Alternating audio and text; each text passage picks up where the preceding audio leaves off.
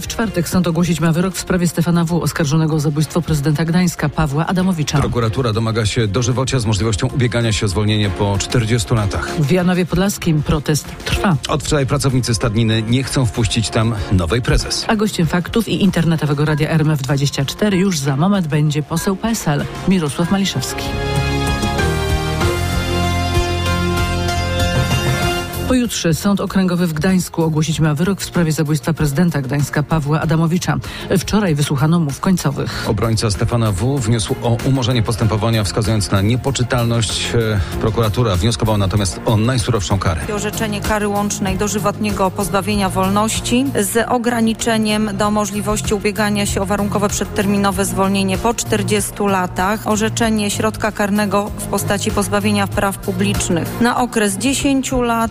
Odczytywała wniosek prokuratury sędzia Aleksandra Kaczmarek, która w czwartek ogłosi wyrok. To poranne fakty w RMF FM. W Janowie Podlaskim protest trwa. Pracownicy Stadniny całą noc pilnowali bramy wjazdowej do tej państwowej Stadniny Koni Arabskich, nie chcąc tam wpuścić Hanny Sztuki, którą na stanowisko pełniącej obowiązki prezesa powołał Krajowy Ośrodek Wsparcia Rolnictwa. Nie chcą, bo jak napisali w liście do KOWR, nowa prezes, tu cytat, w świecie hodowców koni czystej krwi arabskiej jest powszechnie uznana za osobę, która nigdy nie kierowała się dobrem objętych przez siebie jednostek, a raczej własnym interesem. Jak wygląda sytuacja o poranku w Janowie? O tym teraz Krzysztof Kot. Od wczoraj pracownicy wyznaczyli dyżury i cały czas przy bramie pilnują, żeby nie wjechał nikt obcy, a zwłaszcza nowo powołana prezes. Co podkreślają, opieka nad zwierzętami odbywa się bez zakłóceń.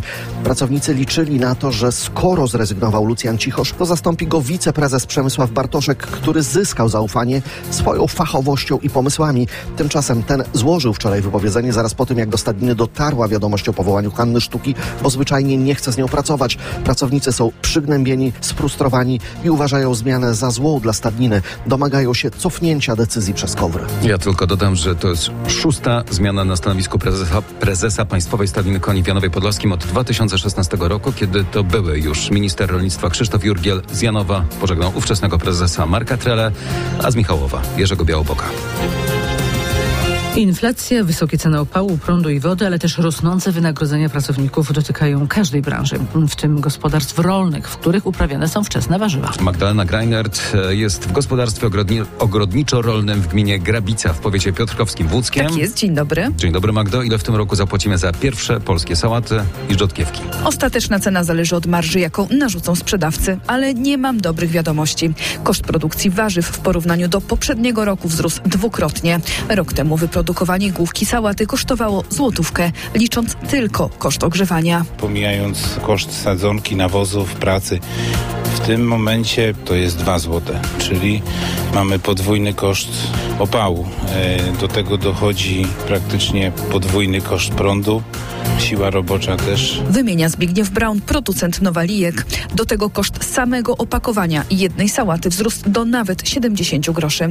Pan Zbigniew chciałby w tym roku dostać 4 zł za jedną główkę. 4 zł i więcej za krajową sałatę już jest faktem. Tak jest. Na giełdzie Bronisze w hurcie karbowana krajowa od 4 do 6 zł za główkę. Ta importowana niewiele tańsza 3,75 lub 4,50 cena maksymalna. Sałata masłowata z importu 3,35, 4,20, a krajowa między 4 a 5 zł za główkę. Rozmowa oparta na faktach. Tomasz Weryński i jego gość. Witamy. Witam serdecznie. O poranku naszym gościem jest poseł PSL Mirosław Maliszewski, członek Sejmowej Komisji Rolnictwa, rolnik, ogrodnik, prezes Związku Sadowników RP. Dzień dobry, panie pośle. Dzień dobry, witam pana redaktora, witam wszystkich. No to powiedzmy o liczbach. Kilogram papryki nawet powyżej 30 zł. Cebula zmierzająca w stronę 10 zł. Pomidory malinowe po 35. No niektóre warzywa są dwukrotnie, trzykrotnie droższe niż w tamtym roku. Dlaczego? Przyczyn jest kilka. Jeżeli mówimy o pomidorach i o papryce czy o ogórkach, no to mamy do czynienia z warzywami pochodzącymi z importu. Natomiast cebula, no to już jest polska dominacja i polscy producenci ją dzisiaj oferują na rynku. E, Jeżeli chodzi o import, e, przyczyny przede wszystkim e, pogodowe, takie, które spowodowały, że w wielu krajach, zwłaszcza Afryki Północnej, tych krajach, które pierwsze produkt kierują na rynek, Czyli Maroko. Dobrze? Maroko, Maroko, tak, Maroko, Egipt, tam przyczyny pogodowe spowodowały to. Natomiast jeżeli chodzi o europejską produkcję, bo w drugiej kolejności na rynek trafiają warzywa uprawiane w szklarniach, wspomniana papryka, wspomniane pomidory czy ogórki, Tu przyczyna jest e, trochę inna, czyli nie warunki pogodowe, tylko bardziej rosnące koszty produkcji. A wracając zwłaszcza energii e, elektrycznej do doświetlania, bo warzywa trzeba w tej chwili Panie doświetlać. pośle, ale czy to oznacza, rosnąć. że musimy przyzwyczaić się do takich cen? Mam nadzieję, że nie będziemy musieli przyzwyczajać się do takich cen i sp- spełnimy takie oczekiwanie, które wielu ma, że producenci, rolnicy będą mieli e, zapłacone za rosnące ogromnym tempie koszty produkcji, a z drugiej konsumentów będzie stać na te produkty. E, Wrócę na podwórko krajowe. E, Polscy producenci warzyw są bardzo mocno dotknięci wzrostem kosztów energii elektrycznej. To nawet często trzy czy czterokrotnie więcej niż w roku ubiegłym koszty nawozów, koszty siły roboczej, koszty paliwa rolniczego, oleju napędowanego, napędowego zużywanego do produkcji rolnej wzrosły bardzo mocno i wielokrotnie nawet ta podwyżka cen warzyw nie rekompensuje producentom zwrotu kosztów. Co można zrobić, żeby temu zapobiec? Czy na przykład rząd ma jakieś tutaj e, możliwości, żeby e, wspomóc, żeby te ceny trochę jednak e, spadły? Do tego zmierzam. Wielokrotnie apelowaliśmy jako środowisko branżowe, ogrodnicze, ale także jako politycy, w tym politycy Polskiego Stronnictwa Ludowego, uruchomienie szeregu mechanizmów, które e, pozwolą rolnikom uzyskać dobre ceny, a konsumentom zapłacić e, nieco mniej niż w tej chwili za warzywa i czy w kolejnych tygodniach i miesiącach. Konieczne są jednak w tych trudnych warunkach, e, gdzie mamy konflikt obok polskich granic, nadzwyczajne mechanizmy pomocowe dla producentów w formie rekompensat kosztów energii, czy umożliwienia zatrudnienia pracowników e, z innych krajów, e, tak aby siła robocza była tańsza. Rząd niestety na to wszystko nie reaguje albo reaguje bardzo powoli. Panie pośle, na koniec takie tej zjawisko. części e, chciałem jeszcze pana zapytać, czy możemy liczyć, że na wiosnę będzie taniej?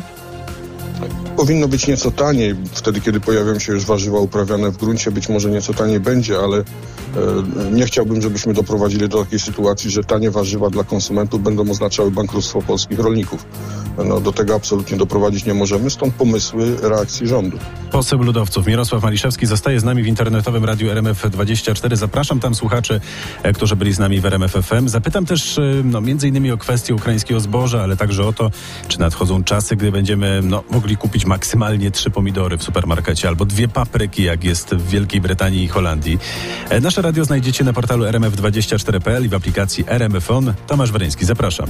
Niskie ceny nie mogą oznaczać bankructwa rolników. Słyszeliśmy przed chwilą w porannej rozmowie w faktach internetowym radiu RMF24. Przypominamy, pytamy dziś o poranku o ceny warzyw na wiosnę. No właśnie, według raportu UCE Research rok do roku podrożały o prawie 1 czwartą, a dokładnie 23%. Największy cenowy skok dotyczy cebuli. 55%. Z czego wynika? Będziemy dalej sprawdzać. Polecamy fakty i adres faktymałpa.rmf.fm. Tam czekamy na Wasze opinie w tej sprawie.